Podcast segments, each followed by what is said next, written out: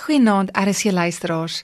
Vanaand se boodskap is hoe om te rus in 'n storm. Ek het myself vir die vraag al gevra en ons ken die ons ken die gedeelte waar Jesus juis op die boot is en daar's 'n storm buite en almal is paniekbevange, maar Jesus lê in slaap. En toe ek my antwoord gaan soek het, het ek juis aan gedink dat Jesus moes 'n vrede en 'n rus in sy gemoed gehad het dat hy nie angstig geraak het en net opgegaan het nie en dadelik sien ons hoe hy opkom en hy die storm stil maak. En ek weet nie wat jou storm is nie.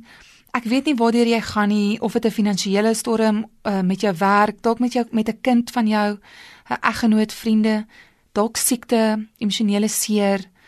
Wat ook al jou storm is, glo ek vandag wil God vir jou 'n rus in jou binneste gee.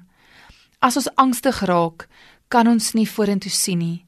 As ons oorweldig raak en selfdepressief raak, dan kan ons nie hoop sien nie.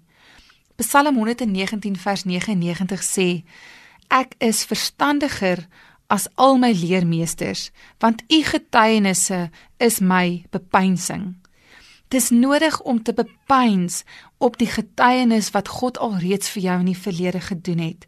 Vir 'n oomblik dink net aan dit wat alreeds in jou lewe gebeur het waar jy kon sien hoe God jou deurgedra het en bepeins daai goed want dit sal jou juis rus bring in die storm. Kolossense 3:15 sê: En laat die vrede van God waartoe julle ook in een liggaam geroep is in julle harte heers en wees dankbaar. Die vrede van God kom in ons harte as ons begin dankbaar raak. Dis wanneer die storm stil raak. Die omstandighede mag dalk nie verander nie, maar in jou binneste sal jy vrede in die omstandighede beleef.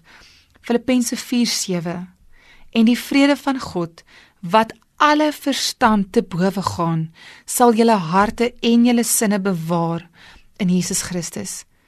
Sjoe, hierdie is so oorweldigend want dis juist die vrede wat verby jou verstand gaan. Dis iets wat jou kop nie noodwendig gaan verstaan nie.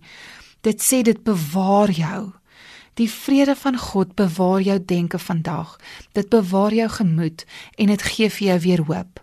Vader, ek wil bid vir elke persoon wat 'n storm beleef of dalk iemand ken wat deur 'n storm gaan.